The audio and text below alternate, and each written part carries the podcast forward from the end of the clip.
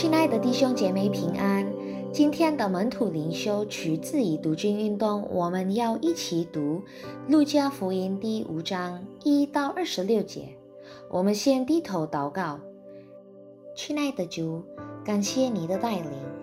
现在我们再来你的面前，一起审视你的话，求主将圣经中的真理赐给我们。求你赐给我们更多的聪明智慧，使我们都能够明白你的话语和真理。奉主耶稣基督的名祷告，阿门。生命中的有限，忙碌是否可以成为不祷告的理由？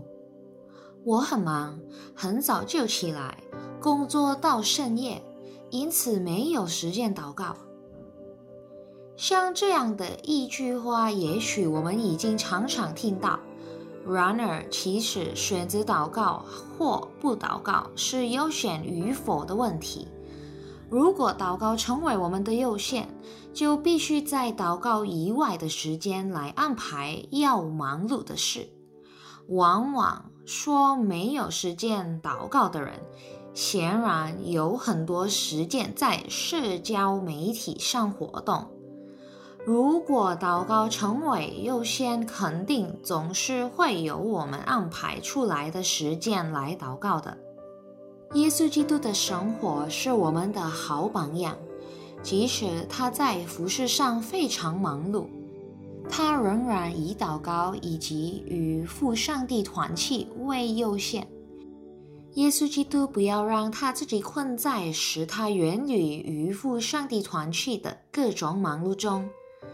主耶稣接近一位长大临风的病人之后，他的名声越发传扬出去，以致许多人都纷纷来到主耶稣面前求医治。第五章十五节。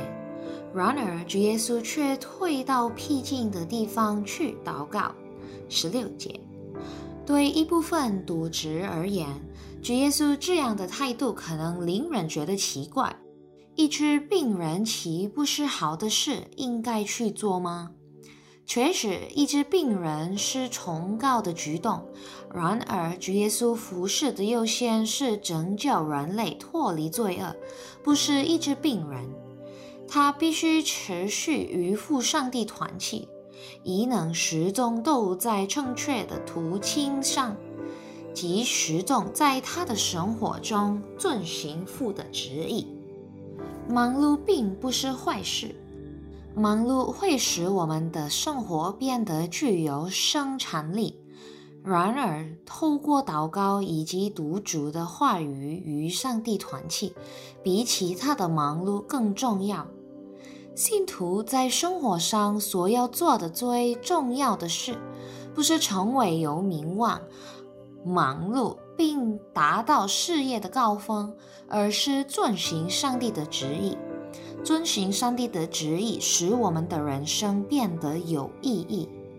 我们一起低头祷告，上帝叫我们在忙碌的时候，记得抽时间与你祷告，提醒我们在我们生活上最重要的是，不是变有钱或有名的人，但是我们最重要的是要遵循你的旨意。